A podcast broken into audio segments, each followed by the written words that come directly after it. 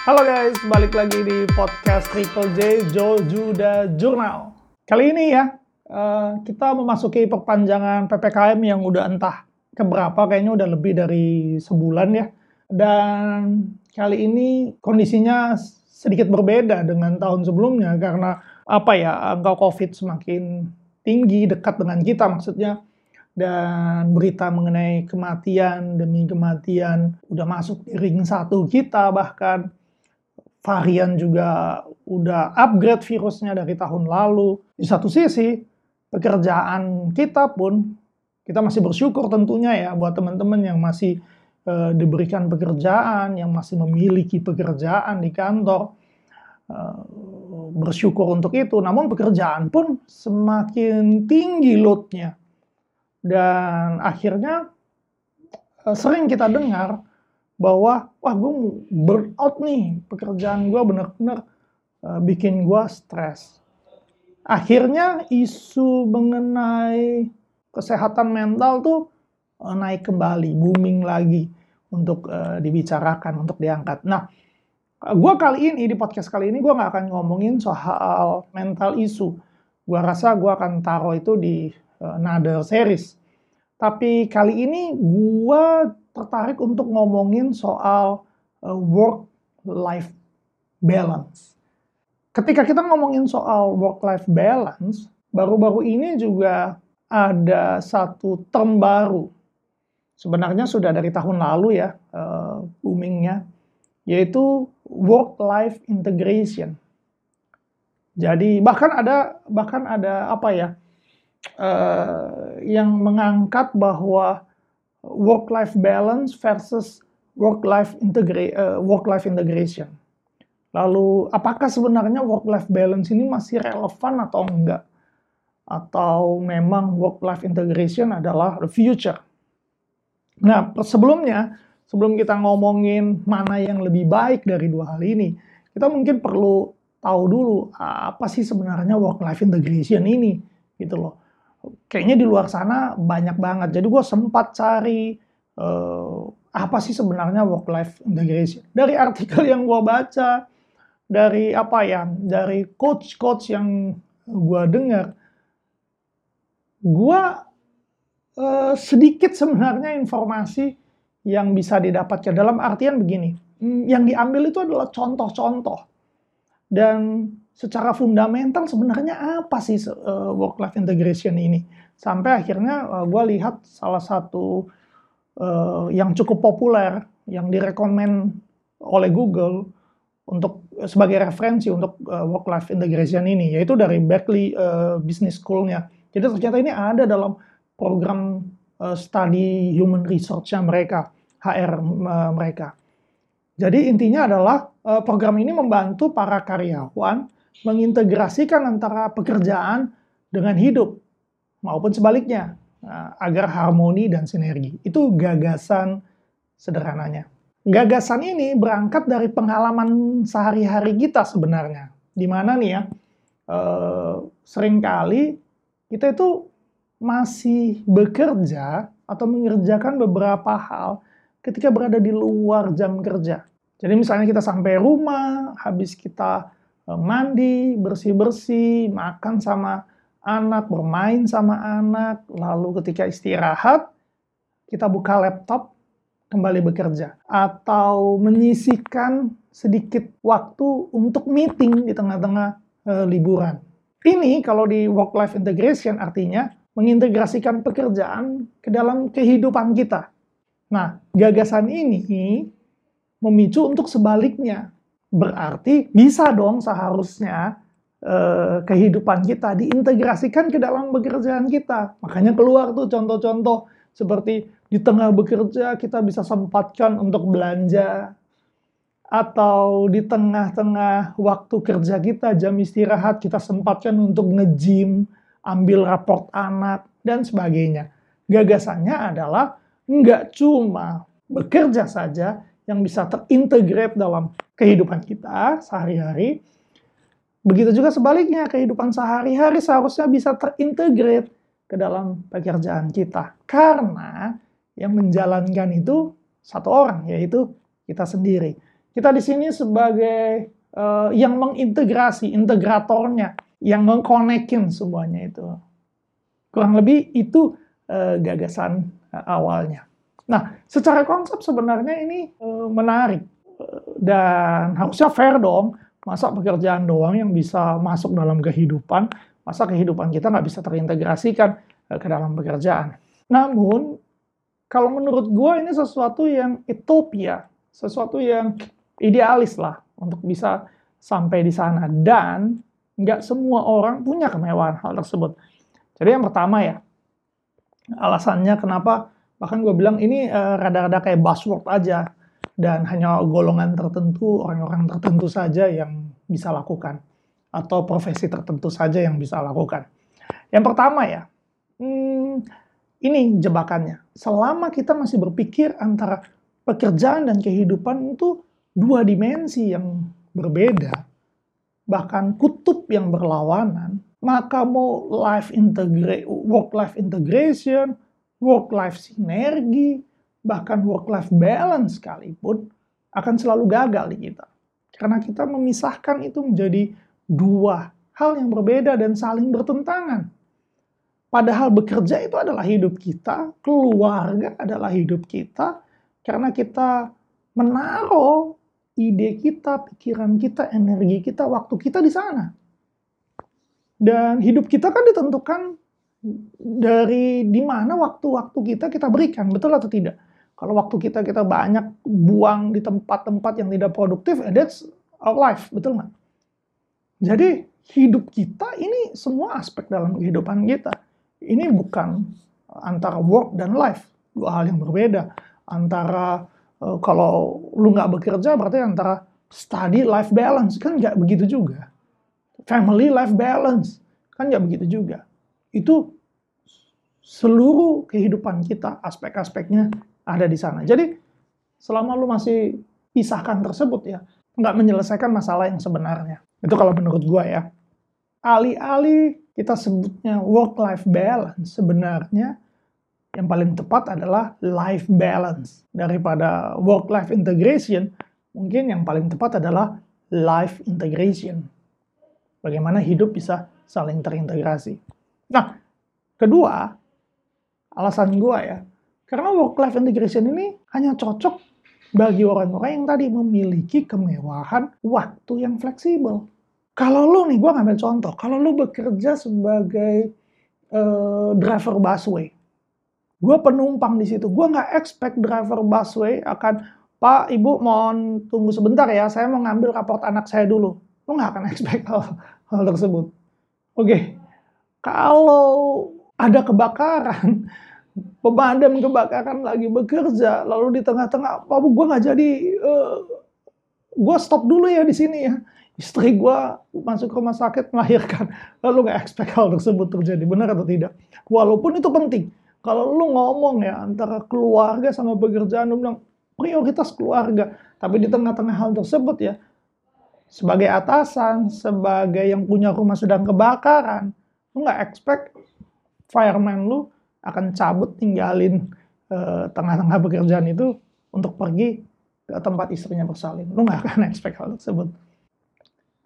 Dan yang ketiga sebenarnya alasannya ya, hanya karena lu nggak tahu, ini analogi gue ya, hanya karena lu nggak tahu cara main gitar, bukan berarti piano lebih baik daripada gitar. Sama seperti ini. Hanya karena lu nggak tahu life balance itu apa dan bagaimana sih konsep dasarnya itu apa. Bukan berarti work life integration itu lebih baik.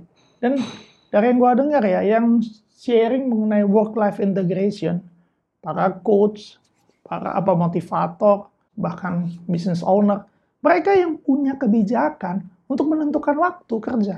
Mereka yang punya kemewahan fleksibel waktu. Kalau kayak gue dan tim gue, sales, klien kita yang memilih kapan harus meeting. Benar, kita nyesuaiin jadwal dengan mereka. Gua rasa ya, kita udah set schedule jam tertentu misalnya hari ini jam 4. Dan klien kita bilang, Pak bisa nggak kita geser ke jam 7? Kita punya fleksibilitas untuk ngatur waktu jadi jam 7. Ngikutin uh, prospek kita atau calon klien kita.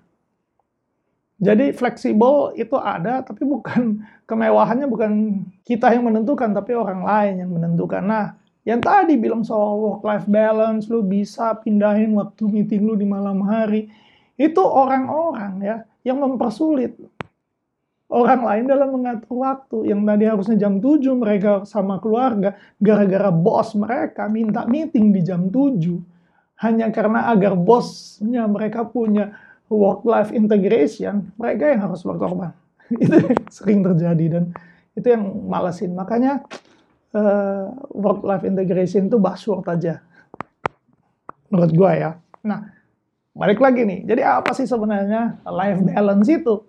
Gimana supaya kita di tengah-tengah uh, apa ya pekerjaan load yang semakin tinggi ini, isu mental, uh, kesehatan mental, kita bisa dapatin balance dalam kehidupan yang lebih baik, eh, bekerja dengan lebih produktif, punya waktu yang lebih baik dengan keluarga, bahkan punya me time agar kita punya mindset uh, yang sehat, yang harmoni. Nah, balik tadi yang di researchnya Berkeley, waktu ngomongin work-life balance, diasosiasikan seperti timbangan Nah, dan sering kali ini yang menjadi gambaran dalam pikiran kita ketika kita berbicara mengenai balance. Balance itu artinya kiri dan kanan itu harus sama, kayak jungkat junggit. Ini salah banget sebenarnya. Kenapa? Karena kalau balik lagi ya, kalau ini pekerjaan kita, ini hidup kita, keluarga kita, atau aspek-aspek lain yang kita berusaha untuk juggling supaya ini semua sama ya, seimbang. Bayangkan begini, dalam bekerja, di awal kita bekerja, tentu pekerjaannya nggak akan tinggi. Namun semakin kita bekerja, makin lama kita dituntut lebih. Kenapa? Karena kita makin pintar. Beban di sini akan semakin berat. Tentu ini akan jadi miring sebelah. Kalau kita mau ini seimbang, pilihannya cuma dua. Beban di sini dikurangi, di sini nggak mungkin. Masa kita mau bekerja dengan level segitu-gitu aja, beban yang begitu-begitu aja, kan kita nggak akan berkembang. Jadi akhirnya beban dalam keluarga kita tambahkan. Konyol sih, Seolah-olah cari masalah. Supaya seimbang. Terus ini akan terus terjadi seperti itu. Di sini berat, ini kita tambahkan beban lagi. Ini makin berat, ini kita tambahkan beban lagi. Supaya apa? Supaya seimbang. Ujung-ujungnya apa? Asnya patah di sini karena nggak kuat. Nah itu yang kita kenal sebagai burnout. Karena kita nggak berusaha untuk juggling. Nah, life balance itu sebenarnya seperti timbangan geser. Kalau kalau teman-teman pernah tahu ya, Eh, ditaruh lalu digeser sampai di nominal tertentu, oh itu beratnya. Biasanya seperti itu. Itu namanya timbangan geser. Nah, dalam hidup, titik tumpu yang di tengah itu adalah kita. Kita itu makhluk yang dinamis, kita yang akan bergerak. Ketika di sini pekerjaan kita menuntut lebih, ya, dia kan akan lebih berat begini. Kita yang bergeser, ke mana? Menjauhi, enggak makin jatuh dong. Kita mendekati ke beban yang berat supaya dia seimbang lagi. Fokus kita ketika ada masalah lebih besar di sana, harusnya kita fokus ke sana supaya apa? Masalahnya selesai. Ketika kita menghadapi pekerjaan, entry level makin mudah, kita dipromosikan, jabatan kita naik, bebannya tambah berat, kita dituntut untuk jadi bekerja lebih cerdas, bekerja lebih cepat. Fokus ke sana dulu.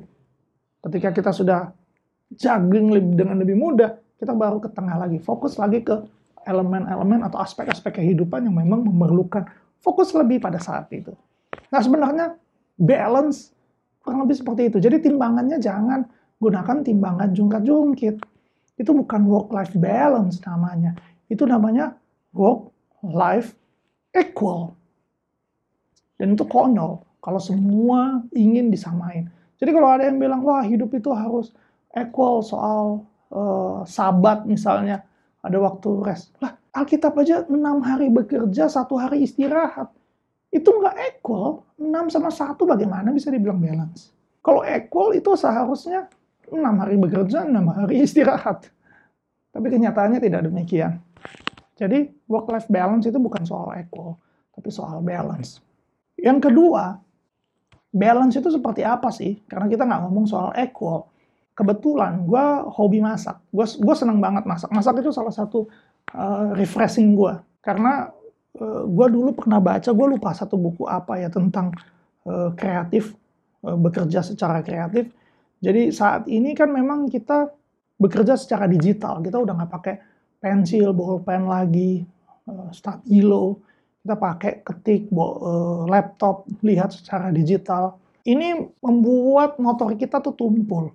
Padahal sebenarnya kreativitas itu muncul dengan motorik yang tadi, bagaimana kita bersentuhan dengan benda yang berbeda-beda dan itu yang merangsang stimulus dalam uh, kreativitas. Makanya gue berusaha untuk menyeimbangkan uh, di bekerja di depan laptop, di depan layar, gue masih menggunakan pensil, buku untuk nulis, dan refreshing gue adalah dengan memasak, menyentuh bahan makanan, uh, megang bumbu, mengolah, meracik, eh gue suka banget itu. Masalah rasa itu nomor sekian. Tapi setidaknya gue happy. Itu aja yang paling penting untuk tahap pertama. Nah karena gue suka masak dan salah satu channel favorit gue yang gue nonton itu adalah uh, Will Goes Kitchen. Will Goes Kitchen itu bikin orang-orang malas tuh jadi pengen nyoba uh, masak dan dia bikin resep yang sederhana tapi enak jadi gue bisa rekomend lu untuk Eh, follow buat yang hobi masak ya. Yang nggak hobi juga boleh. Lalu coba belajar masak gampang-gampang banget dan hasilnya enak. Nah balik lagi, ada satu state dia soal balance dan gue pikir, wow itu sangat uh, apa ya mencerahkan banget ya. Jadi dia bilang begini, makanan yang enak tuh harus balance. Nah makanan yang balance itu yang seperti apa sih? Yang ketika lu makan ya, lu cicipin, uh, ekspresi pertama lu atau respon pertama lu adalah enak. Baru setelah lu cicipin kedua, lu elaborate. Enaknya itu apa? Hmm, oh ya, ada asinnya nih, ada gurihnya.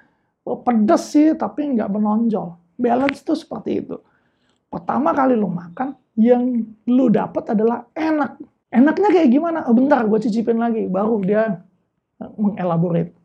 Kalau lu ngambil makanan, terus lu coba, hmm asin banget nih, hmm pedes banget nih. Itu sebenarnya nggak balance. Karena salah satu dominan. Walaupun makanan tuh soal selera ya, tapi enak itu biasanya relatif sama. Nah, ini yang menarik nih, bahwa balance itu nggak salah satu dominan. Padahal ketika kita masak, meracik makanan tersebut ya, bumbunya nggak sama. Lu kebayang nggak? Eh, bahkan ya yang lu nggak hobi masak pun ya, kalau lu masak sebuah masakan, terus lu atur garamnya satu sendok teh, gula satu sendok teh, micin satu sendok teh, lada satu sendok teh, semua satu sendok teh. Kalau yang lu pikir equal itu adalah balance, itu tadi kan balance ya. Lu racik semua, jadi enak nggak? Enggak, enggak enak rasanya itu berantakan. Nah, jenis makanan pun berbeda. Contoh, lu bikin kangkung tauco. Sama satu lagi misalnya eh, cah brokoli ya Lu pikir cah brokoli, oh garamnya satu sendok teh. Maka kangkung tauco akan satu sendok teh. Itu rasanya jadi asin-asin banget. Ada beberapa masakan yang lu nggak perlu nambahin garam lagi. Karena udah asin. Sedangkan masakan yang lain, lu perlu double garamnya. Kenapa? Ya karena belum asin. Bahkan begini, bahkan begini. Dengan bahan makanan yang sama, jenis masakan yang sama, misalnya sama-sama rendang lu bikin Lo bisa punya komposisi resep yang berbeda, komposisi bumbu yang berbeda, dan hasilnya tetap sama-sama enak. That's a balance. Nah, ini yang menurut gue jadi uh, bisa menjadi pencerahan buat kita semua bahwa kalau lo ngomongin soal life balance ya banyak banget faktornya. Apa yang balance buat gue nggak akan bisa lo aplikasikan dalam kehidupan lo. Kenapa? Kita punya bahan baku yang berbeda. Kita masing-masing ada di dunia ini untuk tujuan makanan atau masakan yang berbeda. Lu mungkin ada di dunia ini visi misi lu atau tujuan hidup lu untuk menjadi rendang. Contoh, gua untuk jadi opo. Lu nggak bisa pakai e, resep gua untuk dipakai dulu. Bahkan walaupun kita sama-sama rendang nih ya, tujuan hidup kita, lu bumbu yang lu gua pakai nggak bisa 100% diterapkan ke lu. Kenapa? Bagian dagingnya mungkin berbeda, prosesnya mungkin berbeda, timeline kehidupannya pun berbeda. Jadi lu nggak akan bisa bilang mana yang lebih baik aplikasinya dalam kehidupan. Ketika lo belum punya keluarga, lo bisa fokus lebih banyak waktu untuk pekerjaan lo, karir, dan segala macamnya. Yang lo anggap penting buat study dan segala macam. Begitu lo punya keluarga, fokus lo akan bergeser. Keluarga lebih penting. Mungkin ya. Nah, gue nggak tahu ya, kan beda-beda ya, seperti tadi gue bilang. Uh, belum lagi ketika anak lo udah bertumbuh bes makin besar, fokus lo akan berbeda lagi. Anak pertama, anak kedua, karakter anak, latar belakang keluarga, pasangan lo seperti apa, itu menentukan banget bagaimana lo bisa juggling dengan itu semua antara pekerjaan lo. Gimana sih, uh, apakah nggak boleh nih bekerja di tengah-tengah uh, waktu keluarga? Bisa aja, gue nggak bilang nggak bisa. Tapi bagaimana lu handle hal tersebut, bagaimana lu juggling, itu kan dipengaruhi juga dengan latar belakang pasangan lu misalnya, latar belakang diri lu sendiri, anak-anak lu bagaimana melihatnya, bagaimana anak-anak lu lu yakinkan atau keluarga lu lu yakinkan cara mereka melihat bekerja itu seperti apa? Apakah itu menyenangkan? Apakah itu cuma proses untuk menghasilkan uang? apakah mereka melihat ayah mereka atau ibu mereka menderita untuk mendapatkan hal tersebut sih. That's banyak banget uh, komponen di sana soal life balance tadi. Namun dari itu semua yang paling penting ya life balance itu adalah lu enjoy atau tidak. Dari semua proses itu, keribetan itu semua. Dan waktu lu makan, lu puas nggak? Dan lebih serunya lagi ya, kalau hidup lu itu nggak cuma enak buat lu, tapi bisa dirasakan enak juga buat keluarga lu, buat orang-orang di sekeliling lu. Masakan yang lu masak itu nggak cuma enak buat lu, tapi buat orang lain yang makan, yang nyobain. Itu kan bakal uh, indah banget. Sebenarnya ya, sebelum kita ngomongin soal life balance, kita perlu tahu dulu tujuan hidup lu itu sebenarnya apa sih? Lu ini ada di dunia ini untuk jadi rendang, opor ayam, lu mau diolah seperti apa. Karena itu yang menentukan bagaimana lu juggling dengan semua uh, aspek kehidupan. Nah, setelah dengerin panjang lebar ini, menurut lu gimana? Mana yang lebih baik? Work-life balance atau work-life integration? Jawab di komen ya, dan kita sharing di sana. Thank you guys.